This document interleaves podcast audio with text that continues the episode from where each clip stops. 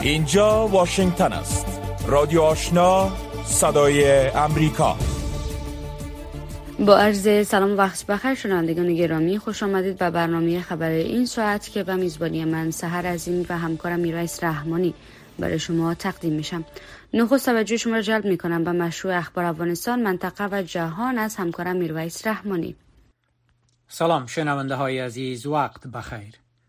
تابا کروشی رئیس مجمع عمومی ملل متحد می گوید که پس از روی کار آمدن طالبان جرایم و دهشت افغانی در افغانستان دوباره رونق گرفته است.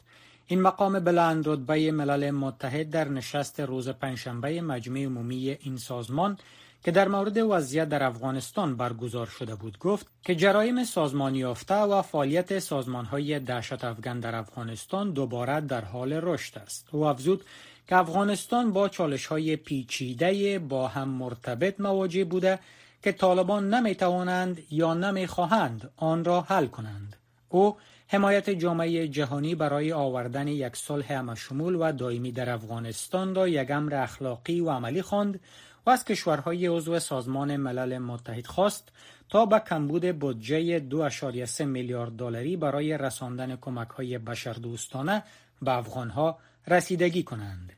مجمع عمومی ملل متحد روز پنجشنبه قطنامه ای را با اکثریت قاطع کشورهای عضو در مورد افغانستان صادر کرد که در آن از طالبان خواسته شده تا به حقوق بشر احترام بگذارند یک حکومت همشمول تشکیل دهند و علیه دهشت افغانی مبارزه کنند. این قطنامه با 116 رأی موافق تصویب شد و هیچ کشور علیه آن رأی نداد. اما ده کشور به شمول پاکستان، روسیه و چین در مورد این قطنامه رأی ممتنع دادند. پاکستان می‌گوید که جهان باید از حاکمیت گروه طالبان بر افغانستان استقبال کند. تفصیل بیشتر را از قدیر مشرف مشنویم. آمرخان معاون نمایندگی دائمی پاکستان در ملل متحد روز پنجشنبه در نشست مجمع عمومی این سازمان که به خاطر بررسی وضعیت در افغانستان برگزار شده بود با اشاره بر روی کار آمدن طالبان گفت که پس از چهل سال در افغانستان یک حکومت بر تمام خاک این کشور مسلط شده و جهان صرف نظر از ملاحظات ایدئولوژیک باید از این کار استقبال کند. این مقام پاکستانی همچنان گفت که هیچ چالش معتبری در برابر حکومت طالبان در افغانستان وجود ندارد. معاون نمایندگی دائمی پاکستان در ملل متحد همچنان بدون ذکر نام کدام کشوری گفت که یکی از کشورهای منطقه در افغانستان یک شبکه دهشت افغانی ایجاد کرده و افزود که جامعه جهانی باید تهدیدهای دهشت افغانی را در افغانستان که از سوی گروه های داعش، تحریک طالبان پاکستان، تحریک اسلامی ترکستان شرقی، تحریک اسلامی ازبکستان و سایر نهادهای دهشت افغان منشأ می‌گیرد پایان دهد. این مقام پاکستانی از کشورهای عضو سازمان ملل متحد خواست تا از اعلام عفو عمومی توسط طالبان و تصمیم این گروه مبنی بر دعوت از مقامهای پیشین دولتی برای برگشت به افغانستان استقبال کنند. معاون نمایندگی دائمی پاکستان در ملل متحد همچنان افزود که جهان باید یک استراتژی جامع ضد دهشت افغانی تحریزی کند و به گفته وی برای این کار سهیم ساختن حکومت طالبان یک امر لازمی است. روسیه می‌گوید که در نشست مشورتی فرمت مسکو روی وضعیت نظامی، سیاسی، اجتماعی، اقتصادی و بشری در افغانستان بحث خواهد شد.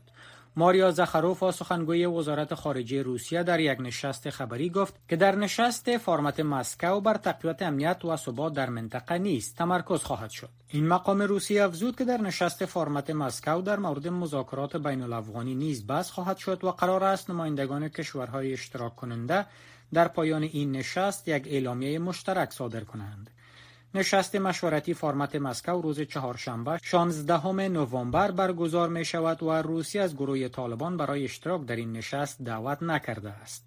مسکو تا اکنون در مورد دلیل دعوت نکردن طالبان به این نشست چیز نگفته اما سرگی لاوروف وزیر خارجه روسیه روز سهشنبه گفت که نتایج نشست فرمت مسکو را با طالبان و سایر جناهای سیاسی افغانستان پس از پایان این نشست در میان خواهد گذاشت. مقام ها در ترکیه گفتند که اجساد پنج شهروند افغانستان را در یک خانه در یک محله شرقی شهر انقره پیدا کردند که به ضرب چاقو کشته شدند. خبرگزاری دولتی ترکیه روز پنجشنبه از قول مقام های پلیس این کشور گزارش داد که پلیس زمان در جستجوی این پنج نفر برآمد که خانواده های آنان با پلیس تماس گرفته و از ناپدید شدن بستگانشان اطلاع دادند. دیپلمات های افغان مقیم ترکیه نیز کشته شدن این پنج شهروند افغانستان را تایید کردند اما در مورد هویت آنان جزیات ندادند. مقام های پلیس ترکیه بدون ارائه جزیات در مورد هویت این شهروندان افغانستان و نیز زمان دقیق کشته شدن آنان گفتند اجساد برای کالبد شگافی به تبدلی انتقال یافته و تحقیقات در پیوند با این رویداد آغاز شده است. بستگان این پنج نفر بر رسانه های محلی ترکیه گفتند که کشته شدگان از یک هفته به این سو با خانواده هایشان تماس نداشتند. تلویزیون خبر ترک بدون ذکر نام از قول مقام های پلیس ترکیه گزارش داده که این افراد احتمالا یک هفته پیش کشته شدند. حسین امیر عبداللهیان وزیر خارجه ایران کشورهای غربی را متهم به ترویج خشونت در کشورش کرد. آقای عبداللهیان ناوقت روز پنجشنبه در صحبت تلفنی با انتونیو گوترش منشی عمومی ملل متحد گفت که کشورهای غربی با معترضان ضد حکومتی در ایران در ساختن سلاح و کوکتل مولوتوف یا بمهای دستی خانگی کمک می کنند. ایران از اواسط ماه سپتامبر و به دنبال جان دادن یک دختر 22 ساله در بند پلیس اخلاقی این کشور شاهد اعتراضات گسترده ضد حکومتی بوده است. در این اعتراضات ده نفر به شمول نیروهای امنیتی کشته و صدها معترض بازداشت شده است. وزیر خارجه ایران به منشی عمومی ملل متحد گفت که ترویج خشونت از سوی کشورهای غربی در ایران منجر به کشته شدن نیروهای امنیتی این کشور و ایجاد ناامنی در ایران شده است. مقام های ایران به شمول رهبر و رئیس جمهوری این کشور بارها کشورهای غربی و اسرائیل را به دست داشتن در اعتراضات ضد حکومتی متهم کردند. سب بطلر رئیس پیشین فدراسیون بین المللی فوتبال یا فیفا خواستار حذف تیم ملی ایران از رقابت‌های جام جهانی در قطر شد. آقای بطلر روز جمعه در واکنش به اعتراضات شهروندان ایران علیه حکومت این کشور گفت که اگر او هنوز رئیس فیفا می بود به تیم ملی ایران اجازه رقابت در جام جهانی فوتبال را نمی‌داد. سب بطلر با انتقاد از موقف کنونی فیفا در قبال ایران گفت اینکه جیانی انفانتینو رئیس کنونی فیفا تا حالا موضع روشن در قبال ایران نگرفته غیر قابل درک است. قرار است جام جهانی فوتبال امسال تا نو روز دیگر یعنی به تاریخ 20 نوامبر در قطر آغاز شود. رئیس پیشین فیفا هفته گذشته نیز در اظهارات جنجال برانگیز گفته بود که انتخاب قطر به حیث میزبان رقابت‌های جام جهانی فوتبال یک اشتباه بود. یک روز پس از اعلام عقب نشینی سربازان روسی از شهر استراتژیک خرسون در اوکراین نظامیان اوکراینی از پسگیری دهها قریه در جنوب کشورشان خبر دادند جزیات بیشتر را از مومن واحدی میشنویم به دنبال پیشروی سربازان اوکراینی به سوی خرسون اولکسی رزنکوف وزیر دفاع اوکراین به خبرگزاری رویترز گفت که ممکن عقب نشینی کامل سربازان روسی از خرسون یک هفته طول بکشد. وزیر دفاع اوکراین افزود که روسیه چهل هزار سربازش را در خرسون مستقر کرده و به گفته وی بر اساس اطلاعات استخباراتی سربازان روسی هنوز در داخل و اطراف خرسون حضور دارند. اما وزارت دفاع روسیه امروز با نشر اعلامی گفت که عقب نشینی سربازان روسی از خرسون ساعت پنج صبح به وقت مسکو تکمیل شد. روسیه روز چهارشنبه گفت که سواحل غربی دریای دنیپرو که شامل شهر خرسون می شود عقب نشینی می کند خرسون یگانه مرکز بزرگ ولایتی در اوکراین است که سربازان روسی از زمان حمله بر اوکراین موفق به تصرف آن شدند. این سومین بار از آغاز تهاجم روسیه بر اوکراین است که سربازان اوکراینی موفق به عقب راندن از مناطق کشورشان شدند پیش از این در ماه مارچ اوکراینی ها حمله روسها را بر کیف پایتخت اوکراین دفع کرده بودند و در ماه سپتامبر سربازان اوکراینی روسها را در منطقه شمال شرقی خارکیف مجبور به عقب نشینی کردند یک مقام امریکایی از خریداری 100 هزار مرمی توپ هویتزر برای اردوی اوکراین خبر داد. این مقام امریکایی که نخواست از وی نام گرفته شود به خبرگزاری رویترز گفت که قرار است امریکا این مهمات را از کره جنوبی خریداری کند. این در حال است که رهبران اوکراین بارها از کشورهای غربی به ویژه امریکا خواستار فراهم کردن تسلیحات پیشرفته به خاطر عقب راندن روسها از اوکراین شدهاند. سایر مقام های دفاعی امریکا گفتند که خریداری مرمی های توپ هویتزر از کره جنوبی فشار بر ذخایر مهمات امریکایی را کاهش خواهد داد. این مقام ها گفتند که شدت جنگ در اوکراین به ویژه فیر روزانه هفت هزار مرمی توپ هویتزر توسط سربازان اوکراینی فشار بر ذخایر مهمات امریکا را افزایش داده بود. وزارت دفاع کره جنوبی با نشر اعلامیه مذاکرات برای فروش مهمات برای اردوی اوکراین را تایید کرده است. پایان خبرها. تلویزیون آشنا دریچه شما به سوی جهان نه تنها در صفحه تلویزیون بلکه در صفحه اختصاصی فیسبوک تلویزیون آشنا. در وبسایت دری با آدرس voanews.com دری. در یوتیوب با آدرس voa افغانستان دری. و در صفحه اینترنتی تویتر. تلویزیون آشنا در هر زمان و هر مکان پیوند دهنده شما با جهان. و حالا می‌رسیم به بخش گزارش های این ساعت. اتاق تجارت و سرمایه‌گذاری افغانستان از معافیت گمرکی اموال صادراتی افغانستان و چین استقبال می کند اما می‌گوید که بر اساس یک مکانیزم معین مشکلات وجود دارد و باید حل شود. وزارت صنعت و تجارت حکومت طالبان نیز این اقدام حکومت چین را به نفع تاجران افغان می‌داند. جزیت بیشتر در این گزارش.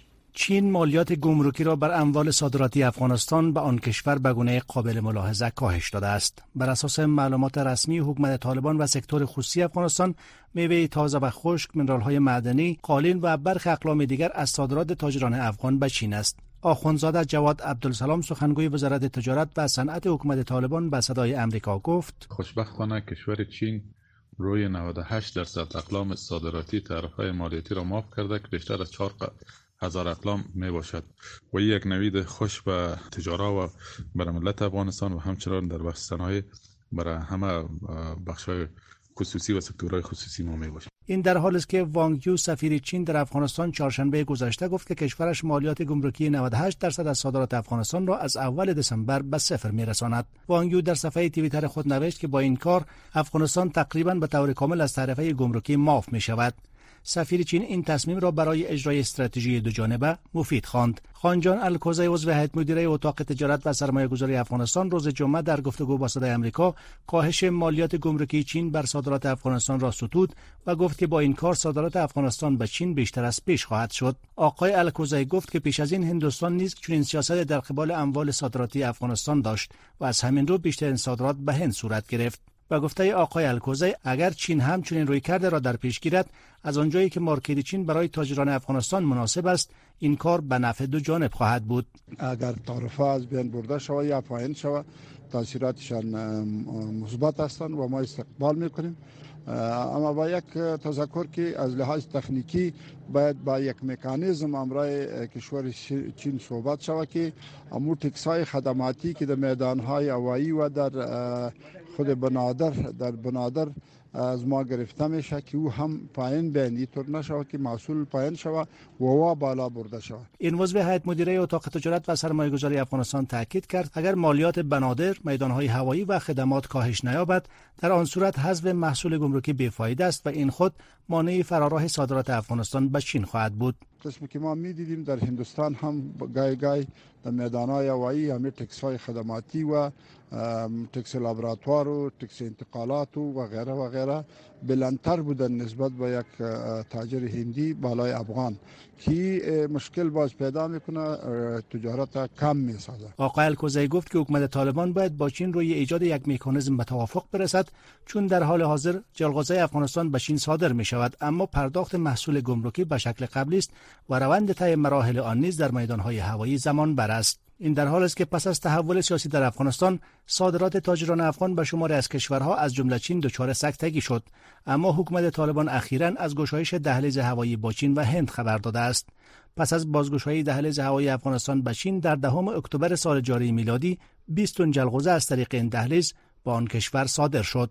از سوی دیگر حکومت طالبان هفته گذشته اعلام کرد که در هفت ماه نخست سال جاری میلادی یک میلیارد و 800 میلیون دلار محصولات افغانستان به تعدادی از کشورهای منطقه و جهان از جمله چین صادر شده است. صدای امریکا رادیو آشنا 100.5 FM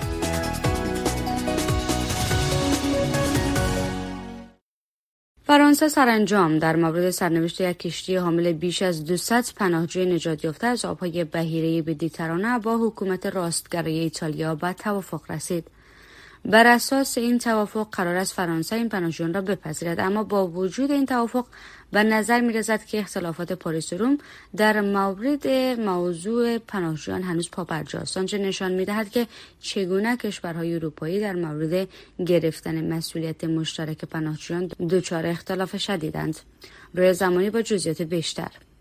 توافق پذیرش 234 پناهجوی کشتی اوشن ویکینگ توسط فرانسه پایان سفر طولانی برای این پناهجویان بود. این پناهجویان از کشورهای مانند بنگلادش سوریه و اریتریا می باشند و آنها از میان صدها نفر نجات یافته کسانی می باشند که در اواخر ماه اکتبر توسط نهاد غیر انتفاعی ساس و صلیب سرخ از دریای مدیترانه نجات داده شدند. مقامات ایتالیایی در نهایت به سه قایق اجازه داده بودند که پیاده شود اما به کشتی اوشن ویکینگ اجازه لنگر انداختن را نداده بودند. این در حال است که جرالد دارمنین وزیر داخلی فرانسه عملکرد روم را غیر قابل قبول خواند و هشدار داد که این اقدام در روابط دو جانبه پیامدهای شدید را در پی خواهد داشت. پرسش هایی که در مورد تشریک عادلانه پناهجویان مطرح می شود افرادی که بسیاری از آنها از طریق آبهای مدیترانه به اروپا می رسند چیز تازه نیست. سال هاست که کشورهای مانند ایتالیا و یونان که در مسیر ورود این پناهجویان قرار دارند خواستار اشتراک سایر کشورهای اتحادیه اروپا در این مسئله بیشتر دخیل باشند اما تنشها زمان به قدرت رسیدن جورجیا مولینی صدر ایتالیا شدت گرفته است. در فرانسه نشنل رالی پارتی حزب راستگرای افراطی ضد مهاجرین نیز با اجازه دادن به پناهجویان کشتی اوشن ویکینگ مخالفت کرد جردن بارد دال رئیس این حزب می‌گوید که این اقدام فرانسه را به یک کشوری مبدل می کند که مهاجرین را از خود میراند انتظار می رود فرانسه و آلمان هر کدام یک سوم کسانی را که در کشتی سوار هستند بپذیرد. بقیه پناهجویان در میان سایر کشورهای عضو اتحادیه اروپا تقسیم می شوند. گزارش ها حاکی از آن است که پناهگاه های مهاجرین در مکان های مانند بروکسل که پایتخت واقعی اتحادیه اروپا در حال گیر ماندن که پناهجویان اوکراینی در اولویت قرار دارند. لورنا مارتین آگاه مسائل مهاجرتی در شورای روابط خارجی اروپا می‌گوید که بحران اوکراین باید همبستگی بیشتر اروپا را نسبت به پناهجویان سایر کشورها نیز تقویت بخشد. برخی از کشورهایی که زمان از مهاجرین دوری می‌کردند مانند پولند اکنون تعداد عمده از پناهجویان اوکراینی را به خود جا داده است. از نقطه نظر دولت ها باید توقع همبستگی نسبت به پناهجویان اوکراین و از دیگر نقاط جهان وجود داشته باشد. و ویژه اگر ما در مورد کشورهای اروپایی صحبت کنیم ارزش های همبستگی باید محوریت داشته باشد.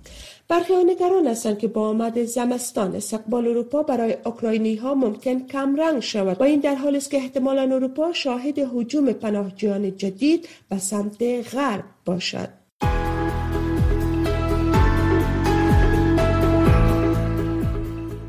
صدای شما. صدا و نظریات شما در مورد مسائل سیاسی اقتصادی فرهنگی اجتماعی و صحی از ساعت ده تا دو نیم شب در برنامه مشترک دری و پشتوی رادیو آشنا صدای امریکا.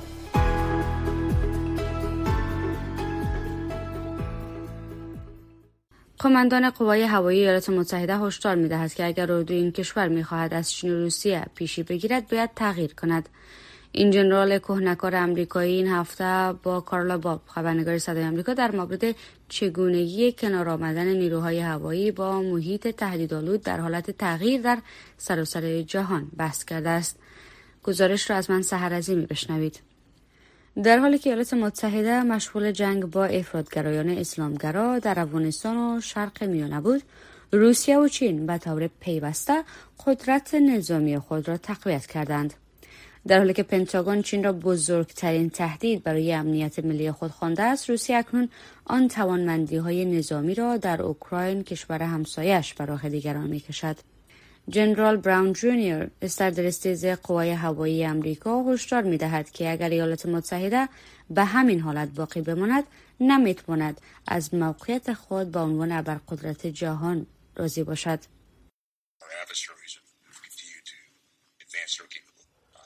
دشمنان ما به پیشرفت توانایی های خود ادامه می دهند و ما از برخی از همان قابلیت هایی که در سی سال گذشته استفاده می کردیم استفاده می کنیم. تهدیدی که با آن روبرو بودیم تهدید نیست که در آینده شاهد آن باشیم و به همین دلیل است که ما باید تغییر کنیم. چین پرسنل نظامی فعال بیشتری نسبت به ایالات متحده دارد و دهه ها را صرف پیشرفت تسلیحات خود کرده است. در چند سال گذشته اردوی چین کشتی های تیاره بردار جدید، جت های جنگنده جدید و یک زرادخانه میزایلی عظیم ساختند. اما در حالی که چین در سال مالی 2022 حدود 250 میلیارد دلار برای اردویش هزینه کرد ایالات متحده تقریبا هشت برابر این مبلغ را هزینه کرده است. میلانی سیسن کارمند نهاد پژوهشی بروکنز می‌گوید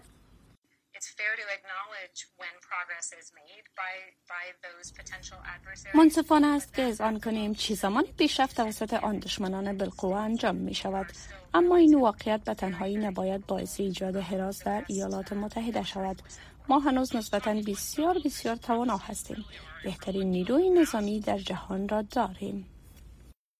برادلی بومن نظامی بازنشسته و تحلیلگر دفاعی اشاره می کند که چین به طور روشمند و آگاهانه اصری سازی های را انتخاب کرده است که به طور خاص برای شکست ایالات متحده در شرق آسیا طراحی شده است مکانی که محتمل ترین میدان نبرد در صورت وقوع جنگ بر سر تایوان پنداشته می شود و این می‌تواند بنادر پایگاه های امریکا در منطقه را در برابر حملات چین آسیب پذیر قرار دهد.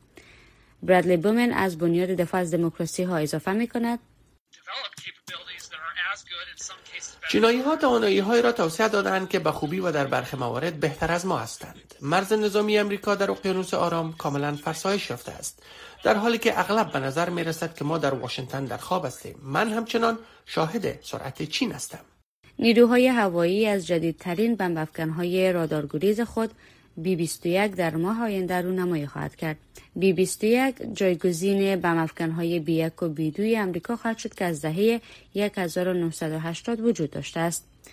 این به این معناست که حتی اگر برای چیزی که رهبران ایالات متحده امیدوارن هرگز اجرا نشود آماده است مقامات ایالات متحده می‌گویند چین خواهان توانایی حمله به تایوان و حفظ آن تا سال 2027 است چین نیز گفته است که قصد دارد تا سال 2049 اردوی کشورش را در فهرست کشورهای میاری جهان که قادر به مبارزه کرده و پیروزی در جنگ ها باشد می باشند. صدای امریکا در رسانه های اجتماعی حضور فعال دارد. هر روز اخبار و گزارش های جالب را از طریق فیسبوک، تویتر، تلگرام و اینستاگرام صدای امریکا دنبال کنید. نظریات شما روزانه در برنامه های مختلف به نشر می رسند. شنونده رادیو آشنا باشید. جو بایدن رئیس جمهور آمریکا برای اشتراک در نشست تغییر اقلیم ملل متحد به مصر سفر کرده است. رئیس جمهور بایدن در این نشست در مورد چگونگی رسیدگی به بحران تغییر اقلیم در امریکا و جهان صحبت خواهد کرد. اما فعالان محیط زیست میگن که کشورهای ثروتمند باید اقدامات بیشتر را در راستای عملی ساختن وعده جمعآوری 100 میلیارد دلار بودجه برای مبارزه با تغییر اقلیم انجام دهند. برگردان این گزارش را از همکارم عبدالواجد عادل بشنوید. مقامات قصر سفید می‌گویند که جو بایدن رئیس جمهوری ایالات متحده در اجلاس مهم اقلیمی ملل متحد با بحث های زیاد اشتراک میورزد. جک سالوان مشاور امنیت ملی ایالات متحده می‌گوید که آقای بایدن در مورد دستاوردهای داخل و خارج از امریکا در عرصه اقلیم صحبت خواهد کرد. او در مورد تعهد شخصی خود برای رسیدگی به بحران اقلیم صحبت خواهد کرد. او برخی از پیشرفت‌هایی را که ایالات متحده به دست آورده چه در اینجا در داخل و چه در اقدامی که در مورد اقلیم در سراسر جهان انجام داده است برجسته خواهد کرد. آقای سالوان گفت که او بر نیاز به حرکت بیشتر و سریعتر برای کمک با آسیب پذیرترین جوامع تاکید می کند تا انعطاف پذیری خود را ایجاد کنند. بدون اینکه از نیاز جهان و به ویژه اقتصادهای بزرگ برای کاهش شدید انتشار گازهای گلخانه‌ای در این دهه سرنوشت ساز چشم پوشی صورت گیرد. اما در سالی که سیل امواج گرمی و آب و هوای شدید سیاره زمین را صدمه زده است فعالان محیط زیست می‌خواهند چیز دیگر را بنگرند. در سال 2015 196 جنا قرارداد پاریس را امضا کرد. یک معاهده قانونی الزامی که در میان چیزهای دیگر کشورهای ثروتمند را متحد می کرد تا سالانه 100 میلیارد دلار را برای کمک به کشورهای در حال توسعه برای مقابله با ضرر و زیان ناشی از تغییرات اقلیمی فراهم کنند. پیگیری کمک های سازمان همکاری اقتصادی و توسعه نشان می دهد که کشورها از رسیدن به این هدف کوتاهی کردند. انجلا چوری کالاها از صندوق دفاع از محیط زیست در این رابطه می گوید توجه قابل عمده به ضرر و زیان به ویژه آنهایی که برای مدت طولانی روی میز باقی مانده است خواهد شد برخی از هیئت‌ها مانند بلاول بوتو وزیر خارجه پاکستان راه های خلاقانه را پیشنهاد می کنند. های مرگبار اوایل سال جاری کشور او را ویران کرد.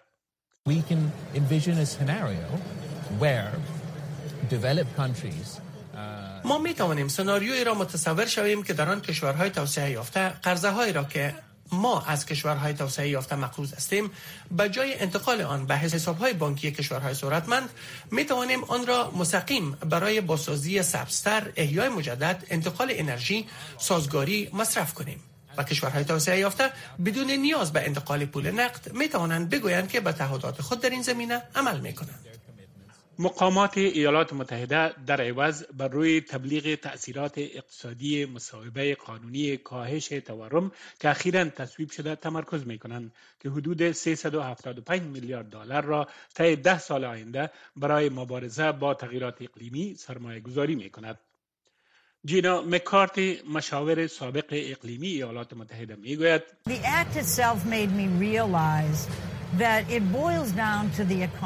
این مصوبه قانونی به خودی خود باعث شد تا متوجه شوم که در اقتصاد خلاصه می شود این به این خلاصه می شود که شما با آنچه امروز در دسترس ما هست. نگاه می کنید که می تواند تغییرات اقلیمی را بررسی کند. اما همچنان می تواند مزایای اقتصادی فوق العاده را داشته باشد. این در کشورهای در حال توسعه نیز صادق است. همان طوری که در جهان توسعه یافته صادق است. مشخص نیست که این پیام چگونه پذیرفته می شود. روز چهارشنبه جان کری فرستاده رئیس جمهور بایدن در امور اقلیمی ایالات متحده در کنفرانسی که با هیئت‌ها درباره طرح برای تأمین مالی انتقال انرژی پاک در کشورهای فقیر از طریق بودجه خصوصی و نه دولتی صحبت می‌کرد مورد انتقاد قرار گرفت. رئیس جمهور جو بایدن جمعه وارد شهر تفریحی شرم الشیخ مصر شده و او از آنجا رهسپار دو ایلاس بینالمللی در شرق آسیا می شود.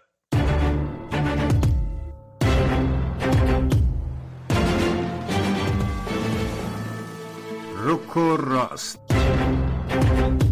صحبت های داغ صاحب نظران و نظریات شنوندگان در مورد خبرها و مسائل روز هر شام از ساعت 8 تا 9 شب در برنامه مشترک دری و پشتوی رادیو آشنا صدای امریکا.